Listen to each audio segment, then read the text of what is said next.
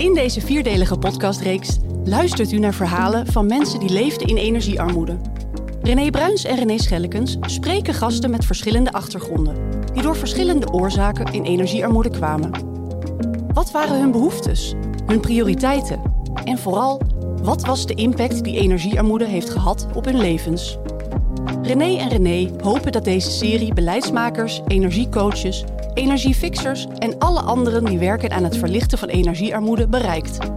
In de overtuiging dat het oplossen van energiearmoede begint met luisteren.